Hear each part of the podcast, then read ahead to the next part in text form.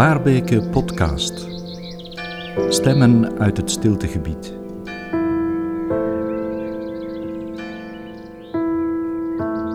Dichter bij elkaar gaan wonen, dat is een recept voor een beter klimaat. De stad heeft de toekomst, maar dan wel liefst een stad op mensenmaat, met groen en ook rustige plekken. Daar is architect Geert Pijmen mee bezig. Een gesprek met hem in het stille Waarbekenhuis. Goedemiddag Geert Pijmen. Goedemiddag. Niet in de stad, maar wel op het platteland bevinden we ons. U bent een stadsmus? Uh, ja, eigenlijk, eigenlijk wel. Uh, ik ben ook zo in de stadsrand opgegroeid, zeg maar, in de typische woonwijken waar alles uh, keurig, zonder winkels, zonder veel, zeker homogeen. maar eigenlijk snel via de studies in de stad terechtgekomen en dan ook in de stad terug in Antwerpen gaan wonen. In, in, ook sociaal gemengde wijken en buurten. En eigenlijk, ja, dat geeft een dynamiek, zeg maar. Uh, ook altijd een hele mooie doorsnede van hoe de maatschappij in elkaar zit. Ook met soms wel ergernissen en irritatie, omdat het allemaal niet zo eenvoudig is altijd. Maar eigenlijk geeft dat wel ook alles vlakbij. Uh, winkels even op de fiets en, en je bent er. Dus ik ben eigenlijk wel een stadsmus, maar ook wel een buitenmus. Dus de twee heb ik toch wel nodig, maar ik zou... Alhoewel dat je er vaak van droomt van... Oh, ik zou ergens naar eens naartoe willen gaan wonen. Er staat hier een grote boerderij te koop. Een grote boerderij, vlak ik heb de prijs gehoord. ja, is, uh, vlak tegenover het Waarbekenhuis, ja. Maar echt op de rand van, van ergens niks, dat is echt zo wel, wel geen dromen, zo wel. Dus de twee zitten wel, wel in mij. Maar ik kan me voorstellen, moest ik ergens in de bergen wonen, uh, dat je ook wel weer die stad nodig hebt. Maar ik denk dat alles een kwestie is van evenwicht. Uh, ook zo met stilte en, en dynamiek en... de de uitvalsbasis voor jou blijft de stad. Ja, ik denk toch wel voeling, voeling houden met alles en dynamiek die er, die er is. En, uh, maar ook gewoon logistiek wat je nodig hebt naar, naar, naar kinderen en gezinsleven en werk en bereikbaarheid is, uh, is dat toch wel een... Uh, ja, de basis, zeg maar. Of, het voelt als, als een evidentie. Niet alleen om privéredenen, maar ook om maatschappelijke redenen. Hè? Dat is toch wat uh, de bouwmeester ons inpepert hè, voor de toekomst. Ja, ik denk dat we daar naar, naartoe moeten. Ik denk dat we, al, ik denk dat we in, in België nog een land zijn dat hele grote oppervlaktes gebruikt per individu. Ik denk als je naar andere steden kijkt en landen, dat daar al een grotere stap vooruit is. Dus je voelt wel dat dat, dat, dat ergens dat dat de weg is waar we naartoe moeten gaan, ook al gaat die soms traag. Uh, maar ik denk dat we in een tijd leven waar het individualisme en het collectief denken toch nog wel op een heel moeilijke, moeilijke balans zit. Je uh, bent niettemin begaan met de levenskwaliteit in de stad. Dat is natuurlijk iets wat veel mensen afschrikt. Men wil er wel gaan werken en heen en weer naartoe pendelen elke werkdag, maar wonen, dat is een andere kwestie. Om die stad leefbaar te maken, um, is er ook ruimte voor rust nodig in de stad waar u al een poosje mee bezig bent. Nu moeten we dat toch eens uh, proberen uh, ja, te onderzoeken van, van, van waar die behoefte. Uh, als je in de stad woont, kan je zeggen van ja, dan lever je je over aan de drukte en de dynamiek en, en, en, de, en de kleuren en de, en de geluiden. Ieder mens heeft rust nodig, ook in de stad. Is dat het? Ja, absoluut. Ik denk dat het ook veel te maken heeft. Alleen voor ons toch met een soort tijdsgeest, zeg maar. Ik denk, er is altijd wel behoefte geweest uh, aan stilte en rust en, en, het evenwicht en de combinatie van de twee. Uh, alleen zijn we een beetje van mening dat we vandaag een dag op een moment zijn gekomen waarin dat het tijd-ruimtekader, zeg maar, wat voorheen eigenlijk wel was, uh, ingebakken in onze systemen aanwezig waren. Denken we maar aan, aan de zondagsrust. Hè. Iets dat vroeger nog oké, die zondag was. Zo'n dag dat het leven even stilviel. Ook in steden, uh, ja. Ook in steden. Mm. bedoel, het was, dan ging je alleen naar de grootouders op bezoek of je ging iets doen. Allee, het leven viel even stil. Dus dat waren van die momenten, dat zat ingebakken in, in het systeem, maar ook... Uh, toen dat de telefoon nog aan een draad hing, ik herinner me nog heel goed, dat was voor mij na tien uur viel de dag even stil en begon er een nieuw stuk, omdat je wist, de buitenwereld stopt even. Uh, en er was nog, nog wel wat tijd om te werken en dingen te doen, maar er was de beleefdheid om na tien uur niet meer te bellen. Internet en zo bestond niet meer, dus er waren zo'n aantal structuren, zeg maar, waar we ons nu eigenlijk pas van bewust worden dat het leven eigenlijk vanzelf af en toe uh, stil viel of stiller viel. Dat er buffers bestonden die nu helemaal slecht zijn eigenlijk. Ja. 24-7. Ja, en we zijn daar niet tegen, want we maken er ook elke dag gebruik van en dat is super.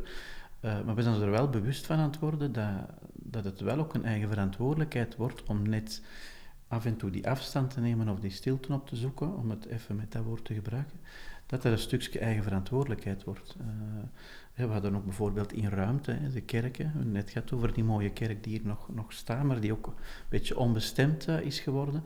Maar het waren ook plekken waar mensen naartoe konden gaan of naartoe gingen in een soort automatisme.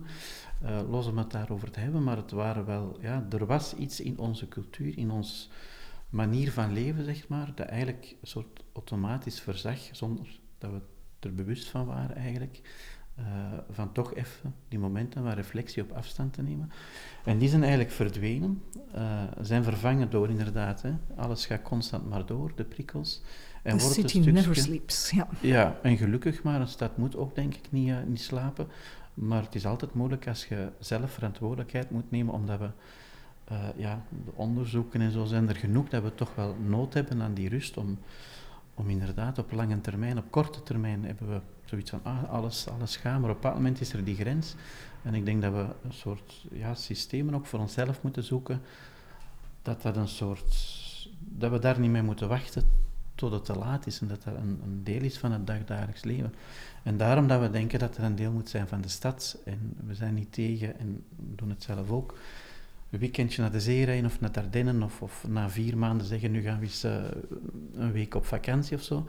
Dat zijn dingen die ook nodig zijn, maar soms zijn die, zijn die te ver weg of te sporadisch. Um, en we zijn ervan overtuigd dat het net in dat dagelijks leven moet geïntegreerd worden op een open manier, uh, zonder dat je dat in de agenda zou moeten kunnen zetten, zonder dat je daar moet voor inschrijven, zonder dat je lid moet zijn van iets, maar dat je eigenlijk op een of andere manier... Uh, gelijk het jezelf past of uitkomt, kunt zeggen, oké, nu ga ik gewoon eens ergens zitten waar het mag of kan en waar ik misschien ook mensen een beetje geholpen worden om even afstand te nemen van de dingen. Uh, maar dat moet dus wel opnieuw uitgevonden worden, want dat is aan het verdwijnen in de stad. Ja, of het is er nooit geweest op die manier, omdat het misschien niet zo noodzakelijk was. En we baseren ons ook, of baseren. Uh, mensen zijn helaas een beetje lui als het betreft op eigen verantwoordelijkheid nemen of initiatief. Om maar een voorbeeld te geven, uh, de fitometer in de jaren, denk 80, 90. Iedereen kan vroeger nog, ja. Of vroeger jaren ja, 70. Ja, ja, uh, iedereen kan eigenlijk gaan lopen in een mm -hmm. bos en springen. Niemand doet dat, tot er inderdaad, hè, op dat moment was er de mentaliteit van gezonde geest in een gezond lichaam. Dus worden er plots een paar plaatjes en, en palen in de grond in het park en iedereen is, begint te sporten. Hetzelfde met eh, Start to Run. Iedereen kan gaan lopen, maar ineens is er dan zo'n heel mooi hebben dingetje. Uh, de iPod of pad, ik weet al niet meer in welke versie of, of, of A's dat bezitten. Uh, is er een systeem en ineens is heel uh, Vlaanderen aan het lopen, wat super is natuurlijk. maar het geeft wel aan dat iedereen kan lopen, maar we moeten op een of andere manier moet er veel mensen geholpen worden of getriggerd worden of een structuur zijn om mensen aan te zetten om dat te doen. En dat is een beetje waar we ons ook wel een beetje op beroepen om te zeggen van oké, dan moet er misschien ook wel een soort zachte, lichte infrastructuur zijn die mensen uh, triggert, uh, uitdaagt, bewust maakt om af en toe te zeggen van oké, nu ga ik eens niet uh, dit en dat doen en, en zus en zo, nog dat, maar ik ga gewoon ergens zitten. Of ik ga een wandeling maken van de ene luwte plek naar de andere, om even weg te zijn. en dat is net gelijk die, die tien oefeningen in het park of het bos, die dan blijkbaar toch misschien wel helpen. Ehm, dus dat is de drijfveer om toch wel te zeggen, ja, hoe kan dat in een stad aanwezig zijn? Uh, ook een heel mooi voorbeeld waar we toch wel inspiraties uh, uithalen om maar te zeggen dat de stad ook constant evolueert en dat er nieuwe typologieën nodig zijn. Uh, iedereen weet dat in zijn wijk zo het typische buurtspeeltuintje dat is eigenlijk ook ooit ontstaan, of hè, bijvoorbeeld Aldo van Eyck, de architect, die na de Tweede Wereldoorlog in Amsterdam, uh, met de heropbouw van de stad en een verdichting uh, van de stad, maar ook de toename van de auto, die toen deel ging uitmaken van, het, van de nieuwe stad, zeg maar, ja, verdwenen eigenlijk de veilige speelplekken voor kinderen. heeft zich toen ook gefocust van hoe kunnen we op hele kleine oppervlaktes eigenlijk een soort infrastructuur maken waar kinderen toch uh, een plek vrijwaren uh, en kinderen aan het spelen kunnen gaan. En ondertussen, zoveel jaren later, ja, wordt er geen wijk of geen buurt niet meer gebouwd zonder dat daar een soort... Uh, terwijl voor die situatie ja, was er genoeg open ruimte, genoeg uh, bos, velden waar kinderen gingen spelen. Dus enerzijds jammer natuurlijk dat we het zo moeten faciliteren. Anderzijds verandert een stad ook zo, dat soms nieuwe typologieën nodig zijn. En dat is een beetje de insteek die wij nu hebben, dat we denken van oké, de stad heeft misschien wel nood aan een typologie uh, als de luwteplek. Uh, deels als bewustwording en deels natuurlijk puur als, als infrastructuur. Uh.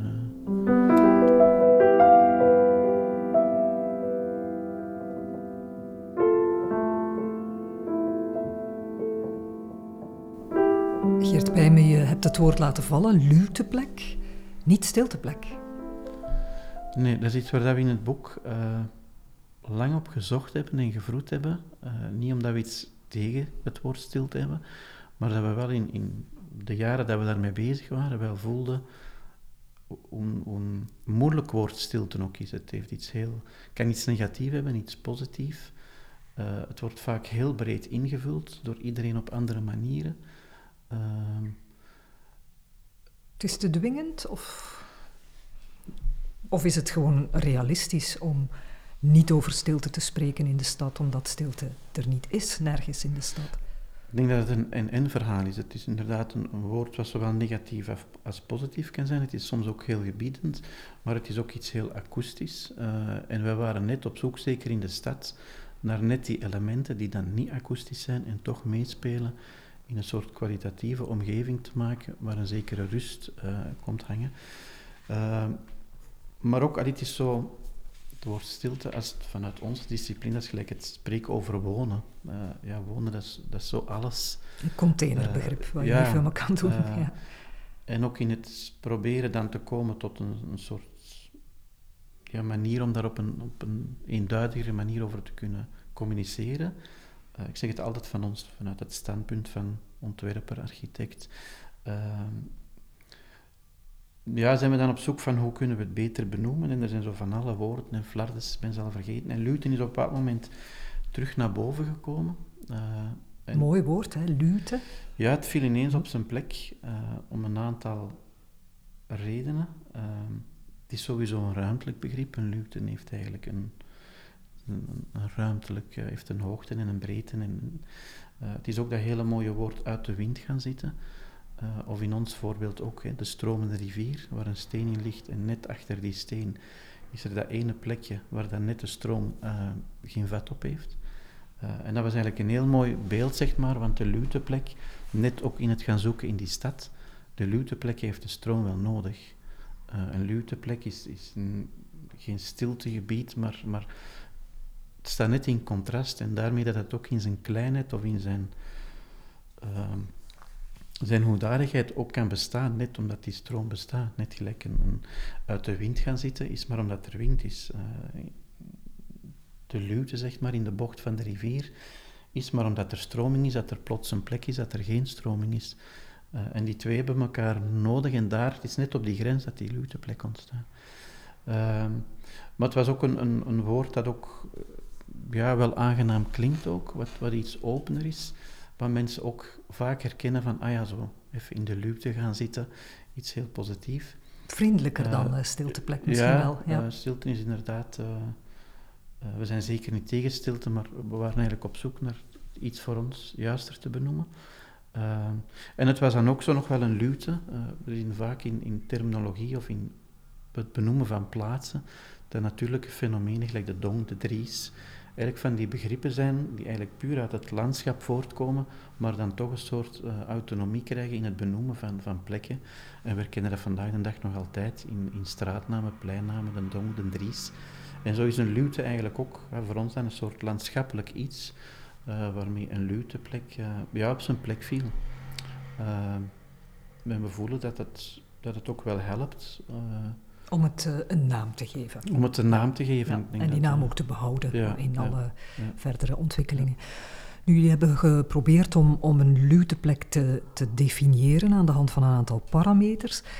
Ehm, we kunnen die straks even overlopen, want elke parameter draagt een verhaal in zich. Maar misschien toch eerst even zeggen hoe je dat hebt onderzocht. Jullie zijn niet als architecten achter een tafel gaan zitten tekenen uh, van dit moet het dan worden. Het is echt uh, op, op een praktische manier tot stand gekomen eigenlijk, hè, die lijst uh, met parameters. nee, het is al een werk van lange adem. Dat we er ondertussen ook heel impulsief mee begonnen zijn. Ook uit een aantal ergernissen of gemissen van net die wereld die verandert en je ziet dingen gebeuren. En op een moment waar ook heel veel focus op wat moet met de kerken doen. En, en, de, in eerste instantie was de kerk of die lege kerken ook zoiets van, ah, dan moeten de nieuwe luteplekken worden. Maar heel snel ook begrepen dat eigenlijk, ja, die gebouwen zijn ook nooit gezet om stilte. Uh, die waren, of hadden een veel groter verhaal in zich en die hadden als fantastische eigenschap dat het ook stilten of, of luteplekken waren. Nu, ook als je daar wat in zit, is het heel helder dat ook de kerken blijven de kerken, maar die kunnen niet de rol van, van hele eenvoudige, zeg maar, bescheiden stilteplek overnemen. Daarvoor zijn ze te groot, te complex, voor sommige mensen ook te negatief. Uh, ze zijn heel uh, gericht, zeg maar. Dus zo is het eigenlijk ook beginnen borrelen van oké, als die plekken, een kerk, wat ook nog een stedelijk, hè, in veel steden of hè, staan al die kerkgebouwen, hoe kunnen we iets nieuws gaan zoeken? En dan ga je natuurlijk niet denken aan grote, grote gebouwen. Dus zijn we eigenlijk heel experimenteel uh, begonnen met studenten ook. Uh, de straat op te sturen. De straat op te sturen, gaan zoeken, niet weten waar. Eigenlijk heel simpel van het begrip urban silence, stedelijke stilte, wat een conflict in zich had. En hoe gaan we daarmee om? Uh, en ik denk dat we ja, daar vier jaar uh, heel experimenteel, heel open om te zien wat gebeurt er. Dat netwerk is gegroeid. Vandaar ook, denk ik, uh, wat ben van zeker is de, de link met Waarbeken ook gekomen. waar dat je dan ook zo ook wel de notie hebt als ontwerper, hebben we in het begin vaak de, de, de insteek van we gaan dat eens ontwerpen of we gaan dat eens bedenken van ook het besef van je moet dat planten, je moet dat laten groeien, je moet dat je kunt dat niet zomaar eens even bedenken. Dus toen was er ook de traagheid, of de traagheid of de openheid van, we moeten niet morgen een antwoord hebben, niet overmorgen, maar laten we ermee bezig zijn en wel zien wat de weg brengt. Het, is ook uh, al vrij snel begrepen van, is, is stilte een hype of moet het meer worden dan dat? Uh, en dat is ook, denk ik, door in contact te komen met Waarbeken en Dirk en zo, dat soort dat besef is doorgecijpeld van, ja, dit is een project van, van lange termijn. Uh, en we gaan eraan beginnen. En het is niet van, we willen snel op een jaar of twee ons ergens bewijzen, maar het is meer een soort uh, bijna roeping of levenswerk, een overtuiging om te zeggen van, we moeten dat, we moeten dat inbedden en, en dat moet groeien van, van onderuit maar ook van bovenuit. Dus zo zijn we eraan begonnen, vier jaar of vijf, met studenten elk jaar opnieuw. Uh, en hoe ging dat dan concreet? Studenten op straat met een bepaalde opdracht, met bepaalde materialen? Met, uh, ik vertrok altijd van, van, een, uh, van een locatie of een site, zeg maar, in de stad. En elke keer was het anders. De eerste keer zaten we in de hele veilige omgeving van de ruïnes van de Sint-Baafsabdij in Gent, waar dat we eigenlijk heel sterk ja, dat was al een, een plek op zich. Uh, en heel sterk aan het zoeken geweest zijn naar hoe kunnen zo'n plek opnieuw betekenis geven. En, en, maar dat was on, onbewust door studenten te laten nadenken over hoe zouden ze met stilte omgaan, wat is stilte voor hun. Uh, we hebben toen bijvoorbeeld ook met de studenten 24 uur op de vrijdagsmarkt een stilte-marathon gezeten. Ja, dat zijn ervaringen ook uh, heel belangrijk in die processen is dat ik het niet wil zeggen van elke student maak een ontwerp en dat is fijn, dat is mooi en ik ga daar een evaluatie, maar hoe werken we ook als groep? En dat eigenlijk die stilte ook een soort collectief gebeuren is van hoe kunnen we voorbouwen op mekaars ideeën en hoe komen we samen tot een interventie die dan ook weer veel steviger staat dan, dan dat je x aantal ontwerpen hebt en dan vervolgens zegt dat is goed, dat is niet goed, dat is interessant, dat is niet interessant. Gebaseerd op ervaring ook, niet alleen op studiewerk of uh, analyses, ja. uh, maar echt om, op, op, op wandelen en, en, en, en horen en kijken en... Ja, ik, ik, moet het, ik zou het eigenlijk eens allemaal terug rustig moeten in kaart brengen van hoe dat we aan begonnen zijn. En, en het was experimenteren. Uh, en van het een kwam het andere. Er was dan ook de vraag inderdaad van de Marius, van, van uh, Magariuskerk, zeg maar, die daarop mee bezig waren. En, dus ik voelde wel dat er een soort context was waar dat er wel nood aan was. vraag van elke keer te zeggen, ah ja, we gaan verder, was weer een link en dat netwerk begon ook uit te breiden.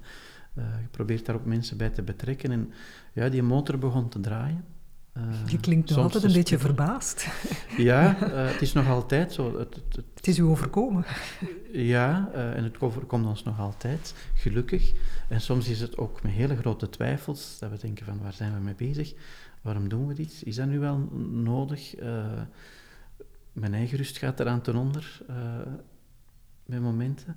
En toch is het iets, elke keer is er wel weer iets nieuws en iets nieuws en, en zijn er weer contacten en een netwerk dat er altijd wel weer verder gezet wordt. Ehm, maar gewoon na die vier jaar met studenten, uh, ook die eerste veilige omgeving, dan zijn we terechtgekomen in het Holijnhof, waar dat dan weer een heel andere omgeving was, een context veel groter.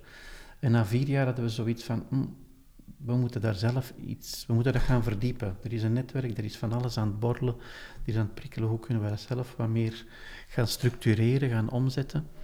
Uh, en dan heb ik eigenlijk Pleuntje Pleuntje Jellema, die ooit een van de eerste studenten was, uh, maar die eigenlijk ook van, van haar eigen intrinsiek ook wel met die thematiek bezig was en geïnteresseerd, zijn we dan eigenlijk de krachten gaan bundelen. En hebben we dan eigenlijk twee jaar op eigen initiatief, zonder middelen, uh, dag en nacht, weekend, daar eigenlijk mee bezig geweest. Voilà, om zo dan te komen, omdat we voelden er is behoefte aan, aan net dat stapje meer dan, ah ja, we gaan zo nog blijven doorgaan met studenten. En dan hebben we eigenlijk dat onderzoek gedaan. Uh, en is er dat boek gekomen, die naam, die tool, die parameter. Uh, en voilà, en dan zijn we weer aan de volgende stap begonnen. En mhm. zo blijft het... Uh, voortleven. Blijft het voortleven.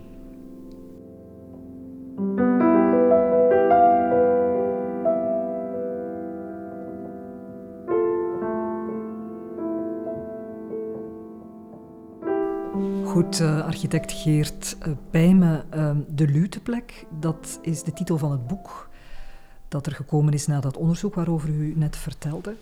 Ehm, de Luteplek valt te definiëren. Als je het boek openslaat, kom je een aantal begrippen tegen, een aantal parameters. Misschien moeten we eens even overlopen. Hè. Um, een luteplek is omsloten poreus, betekenisvol, contrastrijk, relationeel en niet toegeëigend. Nu, achter elk van die begrippen zit een hele denkwereld en een verhaal. Laten we eens beginnen met omsloten. Het is een eh. besloten tuin, bijvoorbeeld. Kan dat uh, werken? Ik denk dat, het veel, uh, op, dat er toch een relatie is met de omsloten tuin of de, of de abdijtuin. Tuin.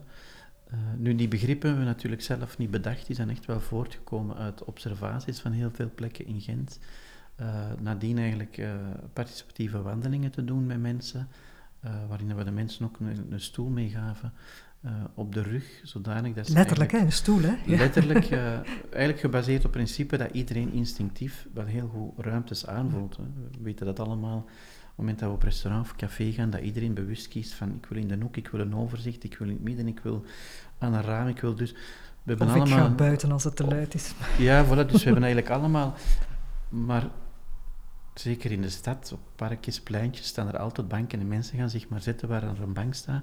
Terwijl op het moment dat je mensen een eigen stoel geeft en zegt van ga nu eens op die plek zitten die u het meeste rust oplevert op zo'n plek, ja, dan gaan ze bijna instinctief eigenlijk heel bewust totaal andere plekken kiezen dan daar waar dat de bankjes staan. En als je dan bevraagt waarom kiesde die plek en dat dan in een veel leidt, dan komt er eigenlijk ook uh, veel te weten over hoe zo'n plek, de kwaliteiten van een plek en waar mensen eigenlijk door getriggerd worden, ruimtelijk dan, als het om stil te gaan. En een van die dingen was, was de omslotenheid. En dat heeft net te maken ook met die even afstand kunnen nemen, uh, een stap uit die stroom kunnen stappen. En die omslotenheid is natuurlijk een, een diffuus begrip. Vandaar dat ze eigenlijk ook in, in de tool, zeg maar, of in het, uh, ten opzichte van die, die poreusheid ontstaan. Ja, is dat niet een tegenspraak eigenlijk? Als je een besloten tuin hebt, dan is die niet poreus en omgekeerd. Of kan het toch samengaan? Ik denk dat het een evenwicht moet zijn. Hè. Ik denk dat de omsloten tuin was ook binnen een totaal andere gedachtegoed. En dat was ook mensen die al een stuk uit die maatschappij stonden op een andere manier. En dat was de kern van iets veel, van iets veel groter. Dus zover mogen we ook niet gaan, want ik denk dat, ik ben wel zeker dat het dan ook een vorm van opsluiting is en mensen zich dan eerder oncomfortabel voelen. Uh, plus het mag ook geen, geen afzondering of, of isoleren worden. En het is ook net met die poreusheid dat de stad die daar buiten dan ligt, nog voelbaar is dat er ook gewoon interessante dingen gebeuren. Uh, ik vond het ook altijd fijn, nog altijd als je op zo'n plek gaat, dat je plots nog wel geluiden hoort. De tram of spelende kinderen of iemand die aan het werken is. Dus er zijn wel geluiden. Maar plots liggen die ergens anders. Liggen die buiten die omsloten plek, zeg maar. Uh, dus dat is ook een vorm van poreusheid. Het hoeft natuurlijk niet alleen maar een ruimtelijke poreusheid poort te zijn. Of zoiets, een poort ja. kan, ja. maar het kan ook een soort akoestische poreusheid zijn, waardoor dat je plots en een tram die ergens in de verte voorbij rijdt, terwijl je even tijd hebt genomen of maakt om tot rust te komen, ja, die een tram kan plots wel een heel mooi symbool worden van het leven dat maar doorgaat, mensen die naar hun werk gaan in stress. Wie zit er allemaal op die tram? Uh, net omdat je afstand neemt van de dingen. En ik denk dat het ook mooi is aan die omslotenheid, net die afstand nemen, maar er nog een soort verbondenheid mee kunnen houden, of, of een doorzicht hebben of een perspectief. Uh, maar wat de omslotenheid ook wel mogelijk maakt, is dat er toch wel een soort prikkels worden weggenomen uh, of verzachten. Ja, want het gaat niet alleen over. En daarom denk ik ook dat we op zoek waren naar een ander woord dan stilte, omdat het eigenlijk zeker in een stad uh, niet gaat over die akoestische stilte. Het speelt wel een rol. het is ook maar één van de zes of zeventien subparameters, is eigenlijk maar het akoestische. En al de rest zijn, zijn andere elementen. Voorbeelden Ah, daarvan? niet over die, die Ja. visuele prikkels. Hè. Ja, Ja, inderdaad, Die, ja, dus het gaat ook veel over visuele prikkels. Mhm, mhm. En wat komt er in de plek ehm, als de visuele prikkels wat wegvallen en de akoestische prikkels, wat komt er dan terug opnieuw in de plek? Eh, soms noemen we dat, vind ik nog een van de mooiste omschrijvingen van een luwteplek in de stad dan. Eh, als we op de buiten, als we gaan wandelen in, in, in de velden of in een natuurgebied en je komt mensen tegen, dan zeg je altijd spontaan goeiedag. In de stad doen we dat niet meer en eigenlijk zou een luwteplek uh, een plek moeten zijn waar je midden in de stad van de drukte eigenlijk ook plots zoiets hebt van dat je terug goeiedag knikt groet iemand die die daar mensen die hier ook eh, eh, even ja. langskomen. Ja. Omdat er eigenlijk Ja. diezelfde kwaliteiten zijn, net even is het daarom dat mensen terug goeiedag zeggen in de stad? Of omdat je natuurlijk niet constant tegen al die duizenden mensen die passeren goeiedag kunt zeggen. Ehm, maar dus vandaar die... eh, Ehm, Geert, geef misschien eens een voorbeeld. We hebben ooit samen een wandelingetje gemaakt in Gent. En ik herinner mij dat we op een pleintje stonden te midden van het Patershol. mhm. Ehm, waar, waar je inderdaad die, die eh, omslotenheid had. Maar ja, je bent natuurlijk nog altijd wel in het hart van Gent. Hè? Eh, dus dus die, het was niet een afgesloten zone. Maar toen we dan verder wandelden richting Karmelietenklooster, Mhm.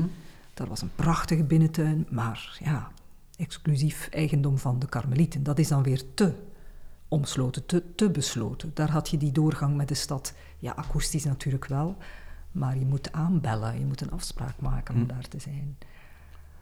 Ja, die laatste, het rustpunt, Karmelietenklooster, was ook een van de, van de grootste minpunten, zeg maar. Want dat is wat we ook een beetje proberen met die tool, waar zitten de sterktes en de zwaktes van mogelijke luwte of potentiële luwteplekken en hoe kunnen ze van daaruit verbeteren. En ik denk dat dat een van de minpunten was hè, in het Karmelietenklooster. Fantastische mooie binnentuin, een oppervlakte. Eh, als je daar met mensen binnenkomt, zijn ze verwonderd. Maar je moet inderdaad of daar verblijven of eh, om, om daar Toestemming binnen te gaan. vragen. ja. Toestemming. Mhm. Dus, en dat is dan die toe-eigening. Ja, eh, dat is een andere par- parameter. Een, een, een echte luwteplek mag niet toegeëigend zijn. Nee. Moet, moet vrij toegankelijk zijn altijd. Ja, dat is allee, of een van onze insteken dat het net of luwteplekken in een stedelijke context zijn open en sociaal. Het zijn eigenlijk plekken eh, ja, die van iedereen en niemand zijn, die ook geen, niet tot een groep behoren of tot eh, net. Hè. Op het moment dat je de stad ingaat, moet je eigenlijk altijd ergens, stapt ergens binnen of zij ergens moeten wel of iets drinken of iets bestellen of iets doen of zijn er verwachtingen. Terwijl de luwteplek eh eigenlijk een sociaal eh, gegeven is. Ook in de context van niet iedereen kan met een auto naar de zee rijden of naar de bergen. Dus hoe kunnen we het eigenlijk ook heel open houden? Eh, en vandaar die niet-toe-eigening. Dat begint natuurlijk met van wie is de plek, hoe toegankelijk is ze. Maar dat gaat natuurlijk ook over van hoe laat de luwteplek zich combineren, hoe kan ze toegeëigend worden, met een andere manier van spreken, door, door sportveldjes of speelvelden die daar rond liggen of door evenementen die daarop gebeuren. Dus eigenlijk is het, het niet toe-eigening een, een, een, roep, zeg maar, om de luwteplekken ook als luwteplek te vrijwaren. Uh, om ook vanuit beleid en vanuit andere diensten te zeggen van mogen en kunnen er plekken zijn die eigenlijk in eerste instantie tot niks dienen. nog niet ingevuld zijn. Nog niet ingevuld of net door die luwte en die stilte en die rust, en niet door andere activiteiten. Ik ben wel eens in Brussel in een parkje geweest, uh, in Etterbeek, waar ervoor gekozen was expliciet om geen kinderspeeltoestellen te plaatsen. En dat leek in eerste instantie, uh, ja, zo, hoe kan je dat nu doen? Hè? Er zijn heel veel kinderen in de buurt die graag willen klimmen en uh, schommelen enzovoort. Maar daar was over nagedacht van, ja, anders wordt het hier ook een hele luidruchtige omgeving. Kinderen zijn mhm. welkom en, en, kunnen voetballen enzovoort, maar, maar niet verankerd voor kinderen. Is, is dat dan een voorbeeld van meer openheid, meer, minder toe-eigening? Ja, ik denk dat net er speelplekken zijn en, en petankvelden en, en, en volk. Ik bedoel, moet de luwteplek de luwteplek op zich kunnen zijn. Uh, en het is nogal evident dat natuurlijk op een luwteplek speeltoestellen staan. Ja, dan is het geen luwteplek niet meer en is het een speelplek. Uh, maar we weten, en vandaar dat we het ook zo belangrijk vinden, ook met die betonstop en die verdichting, van hoe kunt je in zo'n verdichting ook wel gaan, gaan voor zorgen dat er die plekjes, want die hoeven ook niet groot te zijn, maar dat er ook wel plekjes zijn die kwalitatief zijn, die geen verloederde zones zijn, die niet... Uh, maar die toch alleen maar dat niks even in zich hebben. Ik denk niet alleen omdat die plekken belangrijk zijn, maar ook als signaal. Ik denk, uh, luteplekken hebben enerzijds iets als infrastructuur mogelijk een oplossing, maar ik denk ook uh, als signaal van wie dan ook, van oké, het is wel iets wat mag en kan uh, en moet, en waar dat we ook wel iets willen in aanreiken. Dus ze hebben eigenlijk een dubbele rol. Uh, en in die zin uh, denk ik, ja, zijn ze niet tegen, of, of, maar we moeten ook af van, we kunnen ook niet alles combineren. Uh, sinds dat we daarmee bezig zijn, is er ook heel veel, veel vraag of interesse van, van, van natuurverenigingen en, en het landschap dat eigenlijk ook onder een grote druk komt te staan. Want het landschap, de bossen en, en natuurgebieden worden ook alsmaar kleiner, komen ook onder een grote druk te liggen van moeten aan recreatie voldoen, moeten aan sport voldoen, moeten aan ontspanning, maar is ook nog die natuur op zich. En soms is die natuur al zo overroeld door allerlei activiteiten die we dan ook weer koppelen aan rust en toerisme en fietsen en, en dat ook daar zo soms wel eens zeggen, ja, maar laat de natuur ook gewoon eens even de natuur zijn. En niet volzetten uh, met wegwijzers en bordjes. En, en ja. daar mag de fytometer ietsje, ietsje op de achtergrond dus, blijven. Uh, maar dat is iets dat heel moeilijk blijkt te zijn, om zomaar, zeker in een stad waar elke vierkante meter veel geld kost of kan opbrengen, om te zeggen van, ah ja, hè, bijvoorbeeld, er is ook een hele mooie plek in het boekje, de binnentuin, zeg maar, van het Sint-Pietersabdij, daar zijn ook minpunten, uh, zou je ook aan kunnen, kunnen bijwerken. Maar dan lezen ze zo een half jaar geleden dat ze dan op zoek zijn naar iemand die daar een uh, café wil beginnen. En dan denk ik, ja, er zijn dan zoveel cafés, moeten we nu op die ene plek ook gaan zoeken. Om dan, en dat is wel fijn, je kunt daar dan rustig iets drinken en zitten, maar het wordt dan wel weer een café waar dat je weer moet betalen of je weer moet, moet en dat is een moeilijke grens van, kan er nu gewoon eens geen plek aan plek blijven waar we ook durven in investeren, omdat daar niks is. En hoe richten we die dan in, dat mensen daar... Uh... Dus ja, dat is een, een, lange weg te gaan, denk ik, maar... Uh... Discussie die ook loopt, um, Geert Bijmen, in verband met de herbestemming van kerken. Hè. Je, je verwees er al even naar. Er is in Gent het uh, extreme voorbeeld van de kerk die die een uh, supermarkt zou worden, een mm warenhuis. Um, maar het is niet de bedoeling anderzijds om alle kerken die overbodig geworden zijn en waar een nieuwe bestemming voor gezocht moet worden, om daar allemaal plekken van te maken, neem ik aan. Of zou je dat wel fijn vinden?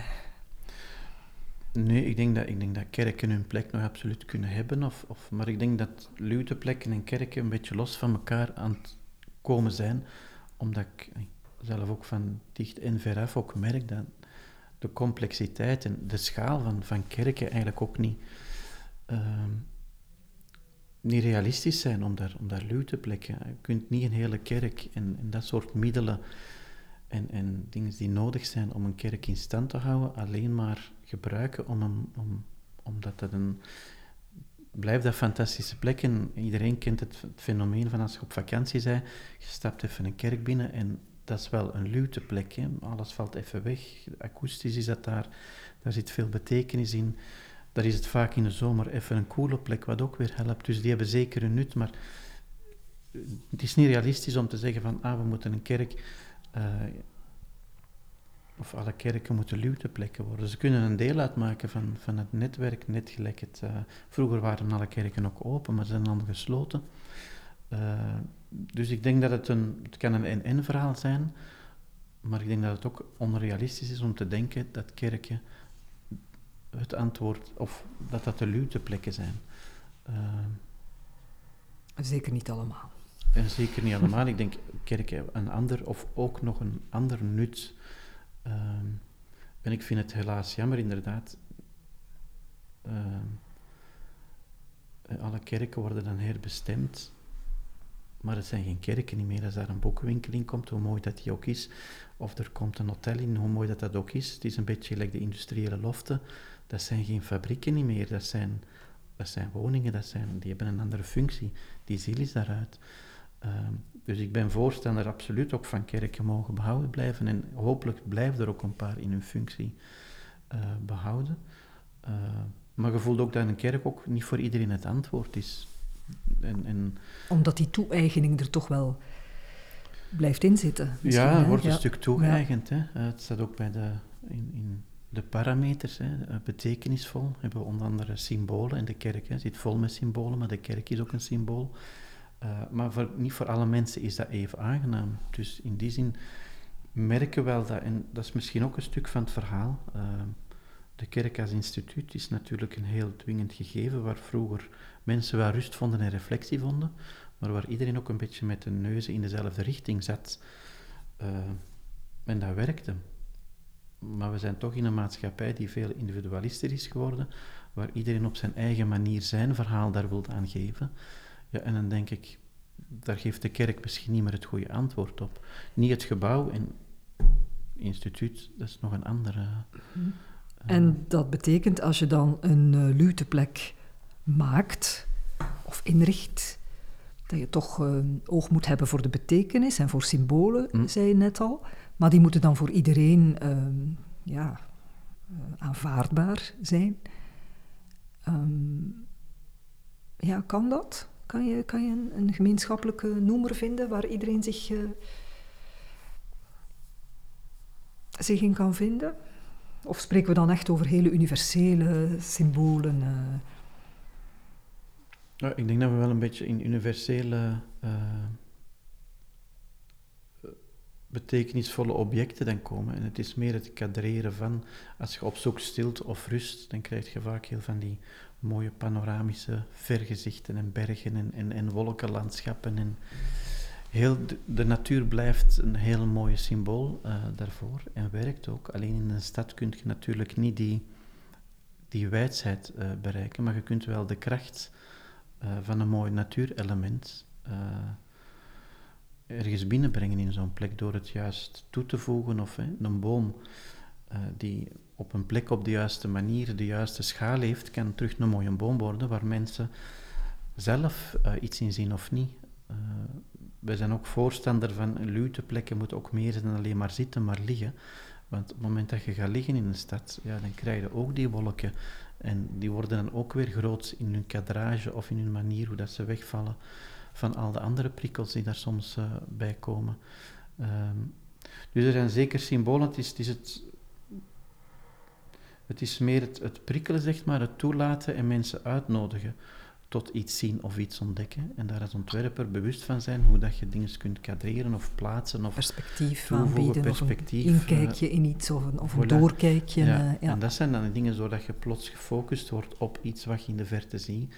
Ja, en de ene persoon zal daar niks in zien, een andere persoon zal daar wel, wel iets zien, omdat hij vanuit zijn ervaring, zijn herinneringen, plots iets, iets, iets teweeg brengt. Is water belangrijk? Water kan absoluut belangrijk zijn. Uh, en, en, Rustgevende element bij uitstek.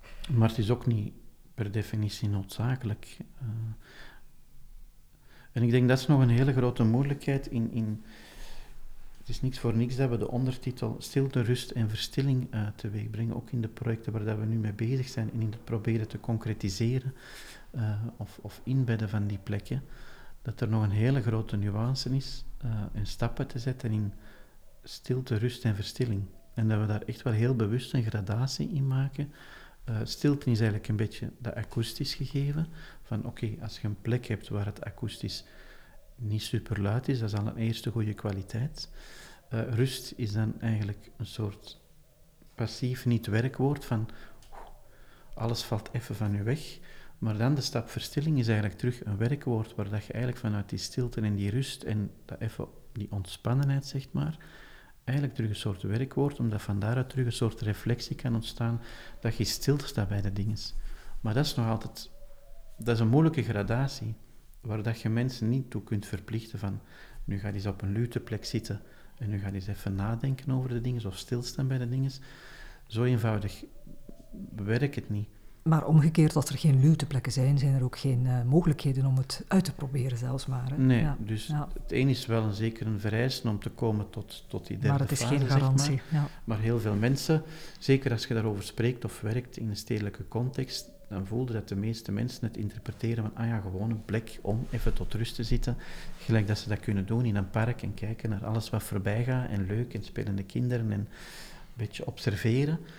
Maar dat is nog niet de, het niveau, zeg maar, of waar dat je mogelijk naartoe nog zou kunnen gaan, mm met net van, ook even. En dan wordt een luwte plek ook een, een, een, een of zou ongemakkelijk, omdat je daar ook in een confrontatie komt, met misschien met jezelf, met dingen die, die meegemaakt worden. En dat is iets wat een stuk de kerk, of weet ik veel, voor toch ook wel deed. En ik denk dat we ook wel nood hebben, niet alleen van die rust en die prikkelarme ruimtes, zowel akoestisch als visueel, uh, maar ook wel af en toe iets moeten stilstaan bij de dingen. En waar vinden we daar nog tijd voor? Maar dat is nog een gradatie die vaak heel moeilijk ligt, of waar mensen niet direct aan denken, of misschien ja, misschien de drempel nog heel logisch is mhm. om, om daar een lute plek voor binnen te stappen. Ehm, is het ook een plek om, om alleen te zijn of, of is het iets hm. wat je met andere mensen kunt beleven? Hoe belangrijk is het dat het misschien voor de beide mogelijkheden open staat? Allebei, en dat is een van de, van de meest interessante dingen die we nu ontdekken. Uh, dat die luteplekken, zeker als je vanuit gaat dat het in een stedelijke context is, eigenlijk een soort wisselwerking is tussen dat individuele en dat collectieve. Als je heel veel mensen vraagt van, uh, ja, maar waarom blijf je dan niet gewoon thuis om, om rustig te zitten, dan is dat toch net niet wat ze ook willen. Dus dan naar buiten komen, misschien ook om even weg te zijn van, van de thuisomgeving, omdat dat vaak ook geen luteplekken niet meer zijn, of ook vaak te veel in die motor zitten, zeg maar, dan naar buiten gaan. Hè. Ook al een stuk uh, ja, het ontsnappen is aan, aan de drukte. Maar dat dan eigenlijk net die grens tussen ontmoeten, niet ontmoeten, alleen zijn, maar toch collectief zijn, dat daar een hele boeiende uh, interactie zit uh, in dat individualisme, slash, of dat toch ergens samenhorig Verbinding gevoel, zoekt wel, ja. Mhm. En in die zin is voor ons een luteplek ook geen eindplek om te zeggen, ik ga naar een plek om tot rust te komen, maar is een luteplek eigenlijk uh, een plek waar terug iets kan ontstaan. En dat is ook wel, denk ik, een van de dingen dat we het ook geen stilteplek willen noemen, omdat een stilteplek of een luteplek ook terug aanleiding kan zijn tot een gesprek, tot een ontmoeting, uh, maar wel vanuit een andere, niet vanuit een snelheid en, en een oppervlakkigheid, maar net vanuit een soort, ja, Verdieping. Verdieping. Mhm. Eh, en dat zijn nog allerlei gradaties die natuurlijk nog in zo'n luteplek zitten, uh, die nog niet zo evident zijn. Dus ik denk dat het, ja, net dat collectieve, we benoemen het ook, hè, dat landschap van mogelijkheden, waar dat je kunt kiezen of je dan hè, een beetje afzondert en, en weg gaat zitten in zo'n plek, of net je ontvankelijk op zo'n plek opstelt om te zeggen van, ah ja, er komt iemand binnen, wat ik net zei, er wordt er goeiedag geknikt, en er ontstaat misschien wel een babbel, of niet, of gewoon het gevoel dat nog iemand ergens rust zoekt, kan ook helpen om. dus in die zin is er zeker een soort individuele collectiviteit mhm. die een meerwaarde is aan zo'n, aan zo'n luteplek. Ja. En daarmee hebben we eigenlijk alle parameters gehad, behalve contrastrijk. Um, Ja, er moet een onderscheid zijn tussen de omgeving van een luteplek en de luteplek zelf. Het is niet zomaar een, een, een hoekje van een bestaand plein waar dan plotseling uh, een luteplek van kan gemaakt worden. Nee, het, is, het heeft te maken met die omslotenheid en die poreusheid, maar die contrastheid maakt eigenlijk dat je je bewust wordt. Uh, dat je zintuigen geprikkeld worden. En het is ook binnen die parameter dat die akoestische uh, stilte aan bod komt. Uh, in een stad is het nooit akoestisch perfect stil, maar het is soms wel het contrast dat je ervaart tussen van veel lawaai naar minder lawaai te stappen, dat je bewust wordt van die stilte of dat niveau ja, Het relief eigenlijk in de geluiden mm. van de stad. Ja. En zo is net hetzelfde, u bewust worden van dat contrast dat je plots een andere ruimte binnenstapt, die een andere atmosfeer heeft, die een andere, die je ook helpt om tot rust te komen of om die betekenisvolle elementen te zien. Uh, dus dat contrastrijke is, is, ja, helpt om bewust te worden dat je op een plek komt die anders is dan uh, de stroom of alle anderen.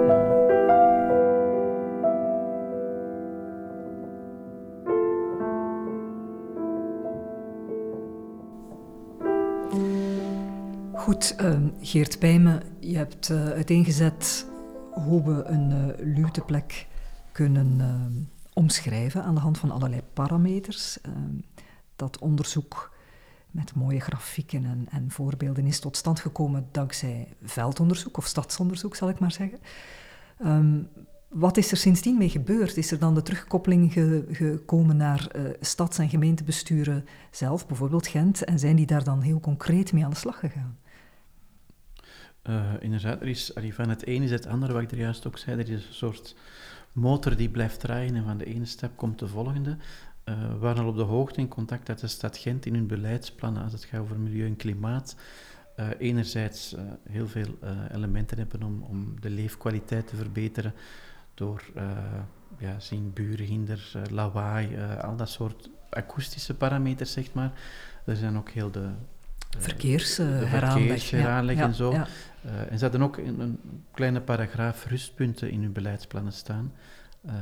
Maar wisten eigenlijk ook niet goed wat ze daarmee moesten doen. En eigenlijk zijn die twee dan samengekomen. Kwamen jullie daar met uh, je met dat onderzoek? Boekje, voilà, waar je ja. toch op een andere manier dan iedereen heeft een, een, een, een manier om daarmee om te gaan.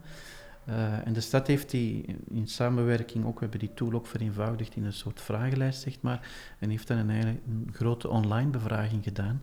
Uh, en toch wel fascinerend dat er vrijblijvend was dat in te vullen, toch wel 300 mensen die vragenlijst, wat toch niet alleen maar ja en nee of een plekje aanduiden, maar toch wel 10 minuten, een kwartier tijd vroeg om dat in te vullen. En over na te denken. Ja, ja en ja. toch wel 300 mensen daar hebben op gereageerd. En er zijn er ook nog eens 300 andere veldbevragingen. Dus de stad Gent had een enorme interessante input aan, aan, aan gegevens, maar ook het feit denk dat de stad Gent ook wel een soort piloot- uh, of pionierswerk levert om daar zo bewust mee om te gaan en daar ook werk van te maken. Uh, dat die twee natuurlijk blijven, blijven matchen.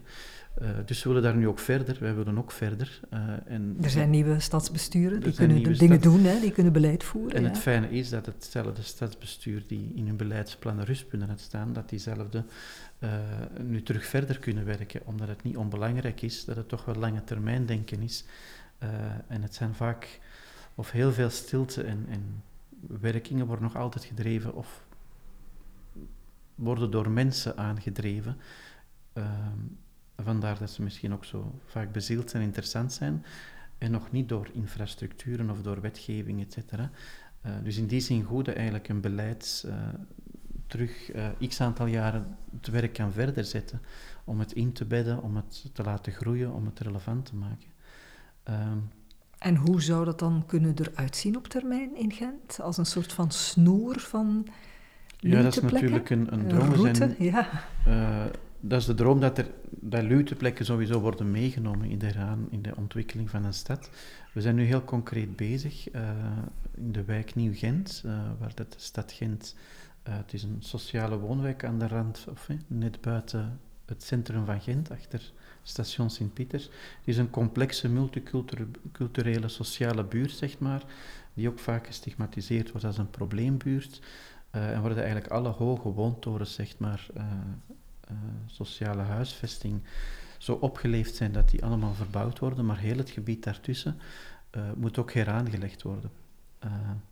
En ze zijn eigenlijk, concreet willen ze daar eigenlijk het begrip luwteplekken ook meenemen in die herontwikkeling. Uh, ook omdat ze ook wel merken dat er nood ook is in, in zo'n leefomgeving aan af en toe die rustplekken afstand te kunnen nemen. In, in alle... Enerzijds speelpleintjes en anderzijds... En heel veel speelpleintjes, dus dat is ook nu... Uh, ja. Dus zijn we met de studenten nu eigenlijk ook weer een nieuw traject begonnen van hoe kunnen we ons eigenlijk integreren in die buurt en eigenlijk in en met de bewoners daar uh, proberen te achterhalen van uh, wat zijn dan de noden, hoe zou een luwteplek daar moeten ingevuld worden, zodanig dat de stad Gent dan weet, oké, als we dat gebied gaan herontwikkelen, uh, hoe kunnen we dan die lute plekken eigenlijk omschrijven en hoe moeten die dan eigenlijk ontwikkeld worden? Uh, omdat ook daar is een, een heel vaag, uh, wat moet dat dan zijn? Um, dus dat zijn we nu eigenlijk aan, aan het doen met studenten. Enerzijds die know-how proberen te van hoe kan de stad daar verder, maar anderzijds ook dat begrip daar, de motor daarvan aan te zwengelen, dat de mensen daar ook bewust van worden. Want het werkt niet om te zeggen van, ah, we slagen een bordje, dit is een luwteplek. Dat werkt niet. Uh, mensen moeten daarmee ontwikkelen. Mee. Het moet een deel van, van hun omgeving zijn. Willen ze daar gebruik van maken en willen ze bewust ook met dat soort uh, ja, elementen omgaan. Uh, en we zijn er eigenlijk nu x aantal weken en het is fascinerend.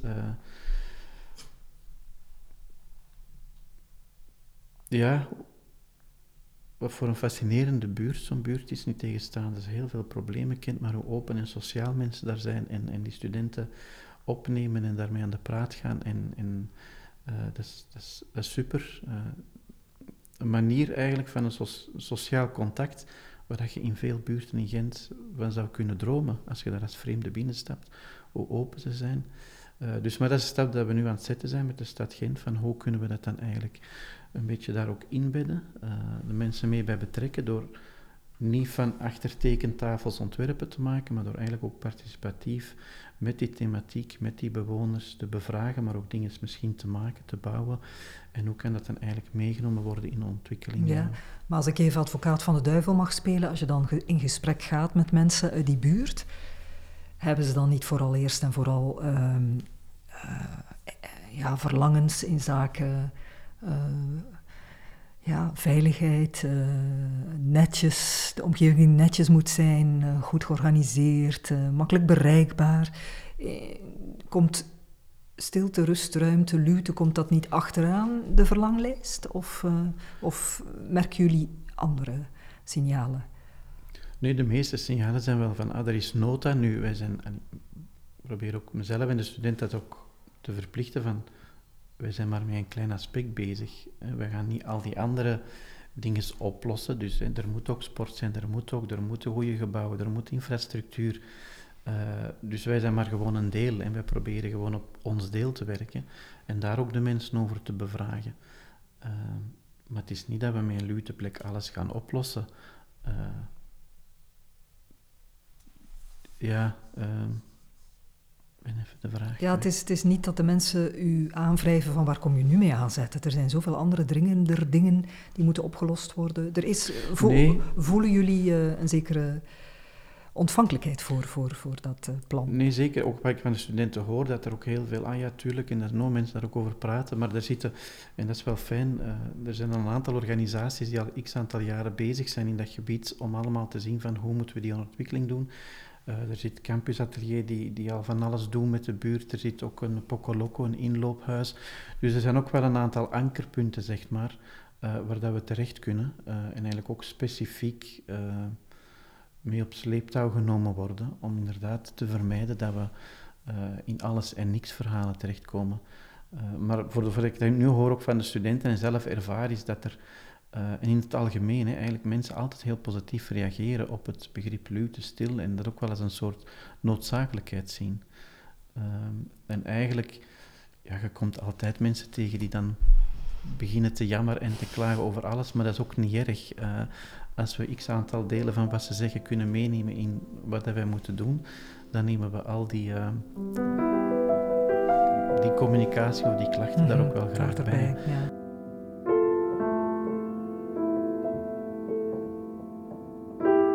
Geert Pijmen, uh, je spreekt over Gent als, als een soort van pionier uh, in deze problematiek, of in deze thematiek moet ik zeggen. Problematiek is het veel te negatief uitgedrukt. Um, ja, valt het zaadje ook op vruchtbare grond elders, in andere steden, intussen? Uh, absoluut. Ik denk Gent, wat zeg ik, Mechelen heeft ook een uh, atlaskaart gemaakt, waarin ze ook wel refereren, maar waar ze meer aan de mensen vragen om om plekjes aan te duiden, uh, maar minder ver gaan. Uh, dus ik hoop op termijn, staat eigenlijk ook op onze agenda, om ook eens contact te zoeken met de stad Mechelen en de initiatiefnemers van die Luwte-atlas. Het ontbreekt even aan tijd, uh, omdat het ook maar één van mm-hmm. de lijnen is waar je eigenlijk een dag mee bezig bent. maar er is ook bijvoorbeeld heel fijn om te ervaren, er is vanuit de, onder andere de Vlaamse bouwmeester en een onderzoek gedaan door het Vlaamse landschap wat zo de noden zijn als het gaat over ontwikkeling van ons, ons bebouwde landschap uh, en natuurlandschap, of van Vlaanderen zeg maar. En er is toch wel een thematiek waar stilte uh, en rust eigenlijk ook wel uh, naar boven komt. uit al die bevragingen en onderzoek die ze lokaal en bovenlokaal gedaan hebben, ehm, nemen ze die parameter nu als een van de 23 uh, eh, elementen, zeg maar, die vaak terugkeren in waar zijn noden en behoeften aan, uh, staan nu toch ook daar op de lijst. Uh, we zijn ook onlangs gaan samenzitten met de Vlaamse bouwmeester om eigenlijk het begrip en notie van luwteplekken ook daar is op de kaart. En ook daar wordt heel positief op gereageerd. dus zo proberen we eigenlijk soms zitten we op een grens van enerzijds zijn we zo'n beetje ambassadeur, zeg maar, of proberen we die een drive te geven, zelfs zonder nog maar het ontwerpen. Heel veel van wat we doen is alleen nog maar de bewustwording en het uitzetten en, en het proberen op gang te krijgen. Uh, en nog niet zozeer het ontwerpen. En eigenlijk is dat even vol, of geeft dat evenveel voldoening dan, uh, omdat ik misschien ook wel soms wat angstig ben om dan die concreet, dat concreet ontwerp ineens te gaan maken. Uh, omdat dat dan plots samenvalt, soms denk ik misschien wel in zijn banaliteit van, ah, dat is het dan.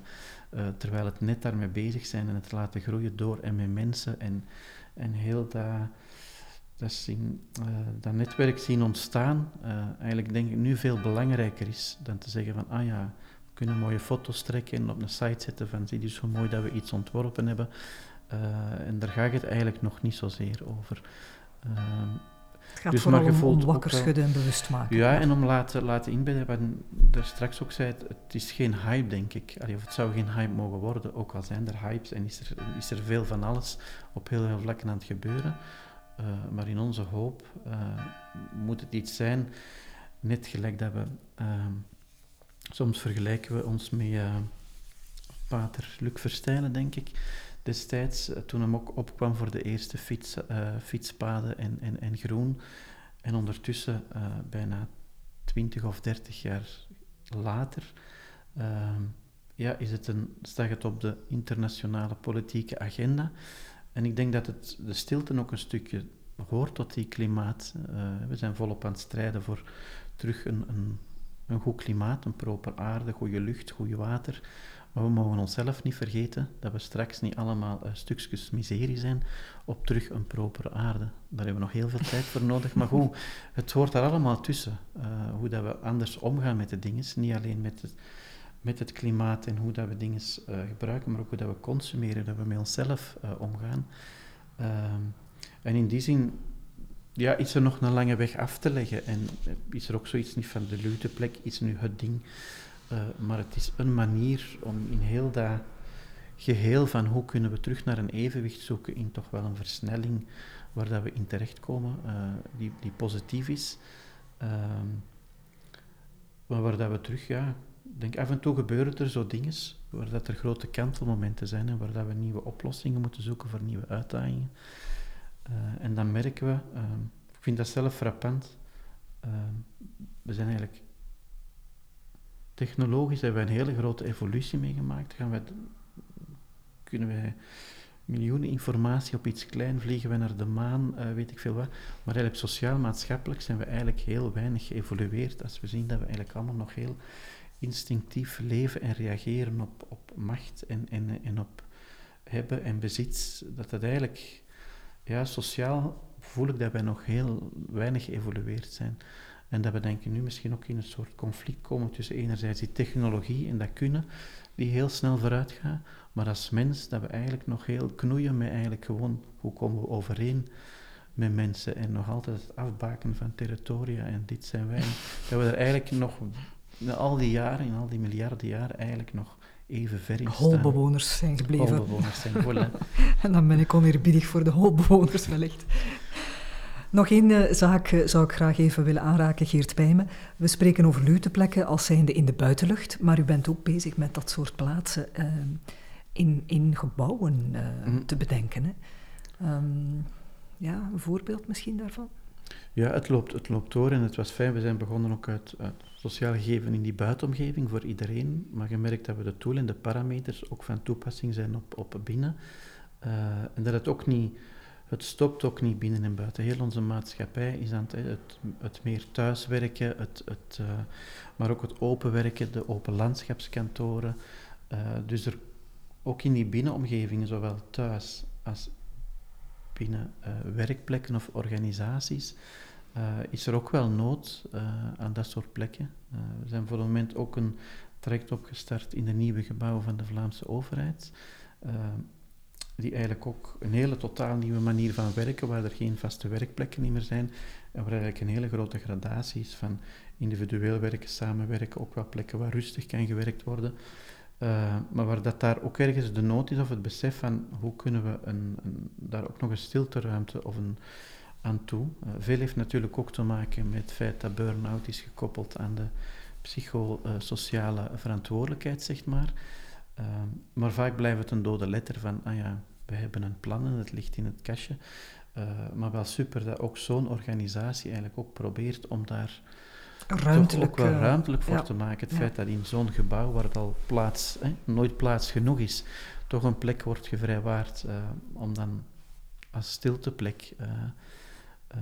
maar ook daar is het weer maatwerk en de parameters helpen om een gesprek aan te gaan. en het ligt nu even in, in een soort moeilijkheid om op het moment dat je begint door te vragen, wat eerst een idee is van, ah, we gaan even een stilteruimte maken. Op het moment dat je dan probeert te benoemen, ja, maar voor waar moet die dienen? En wat is de complexiteit? En hoeveel variaties aan mensen en noden zijn er als het over dat begrip stilte dan gaat, dat je dan eigenlijk uh, niet goed kunt benoemen, ja, maar wat moet het dan zijn? En wat is er al? Um, en nu zit het op een soort uh, uh, noes, zeg maar, eh, van oké, hoe moeten we het dan precies gaan benoemen? En wat is er? En, en de dus, kloof tussen de theorie en de praktijk. Ja, en dan wordt het net iets makkelijker dan, ah, we gaan een mooie ruimte inrichten met mhm. wat gezellig wat zeteltjes.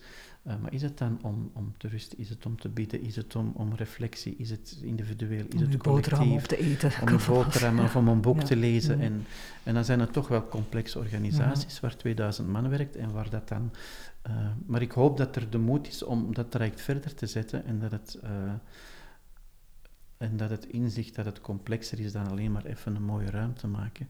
Uh, en dat het ook in aanvulling is met andere plekken. Uh, waar kun je misschien ook rustig lezen, waar kun je even afstemmen, maar waar kun je dan misschien net dat ene, misschien wat meer naar die verstilling op zoek gaan in die ene plek. Mm -hmm. en ik denk dat het zo'n verantwoordelijkheid is, of heel die lute, zowel ook, ook ja, we zijn er allemaal een beetje zelf voor verantwoordelijk, maar de werkgever is ook een stukje verantwoordelijk. Organisaties zijn verantwoordelijk, omdat het leven ook. Hè. Vroeger ging je naar je werk, ging je naar huis, het was gedaan. Om tien uur ging de telefoon niet meer. Uh, maar nu loopt dat allemaal, je werk een stuk mee, waardoor dat maakt dat de woonomgeving ook vaak een, een voortdurende stressplek is geworden. Uh, is het niet door kinderen, dan is het door werk dat je meeneemt. En wanneer stopt het dan? Of wanneer doe je er iets anders? Ook Kortom, heel, Geert, overal lute plekken. Overal lute plekken. Uh, er zit toekomst in uw branche. maar en, en daar willen we onszelf ook af over waar. Het gaat niet over, ah, we willen wat, wat, ontwerpen, maar het, is, het gaat dieper ook voor ons om, om... Het is iets wat ergens een rode draad moet worden. En de huizen worden ook veel opener, hè, open keukens. En dat is allemaal fantastisch, want dat bevordert het sociale contact. Maar dat maakt ook dat akoestisch een huis ja, veel, veel meer irritaties kan opwekken dan dat je vroeger had van keuken gebeurt daar, tv kijken daar en, Strijken, een boek lezen een gebeurt er iets anders. Enzovoort, ja. Ja. Dus dat waren eigenlijk Ja. allemaal een, een... Je had veel meer plekken om, om, om, je, Om ding te doen. om je ding te doen. Terwijl het nu allemaal samen is en super, maar dan maakt dat het soms ook wel eh, anders binnenkomt. veel te hard binnenkomt. Maar zoveel mogen duidelijk zijn. De Luteplek, dat onderzoek van u, is alleszins een leidraad. Zeker geen blauwdruk om dat overal te gaan toepassen, eh, maar wel een leidraad om erover na te denken. hè. Absoluut. Geert Pijmen, hartelijk dank voor eh, dit gesprek. Bedankt. U hoorde een gesprek met eh, architect Geert Pijmen over luteplekken in de stad. Als u meer wil weten, kijkt u dan eens op waarbeke.be. Dank voor het luisteren.